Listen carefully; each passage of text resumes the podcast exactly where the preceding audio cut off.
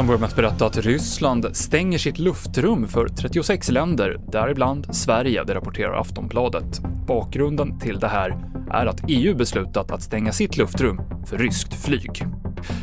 En delegation från Ukraina möter idag ryska representanter vid gränsen mot Belarus. Ukraina kräver bland annat att ryska styrkor drar sig tillbaka från landet, men det har inte uttryckts några större förhoppningar om att de här samtalen ska leda till ett slut på striderna.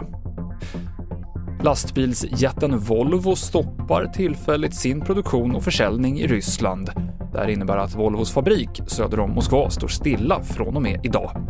Även Sandvik och Ericsson har stoppat leveranser till Ryssland, det rapporterar Dagens Industri och Reuters.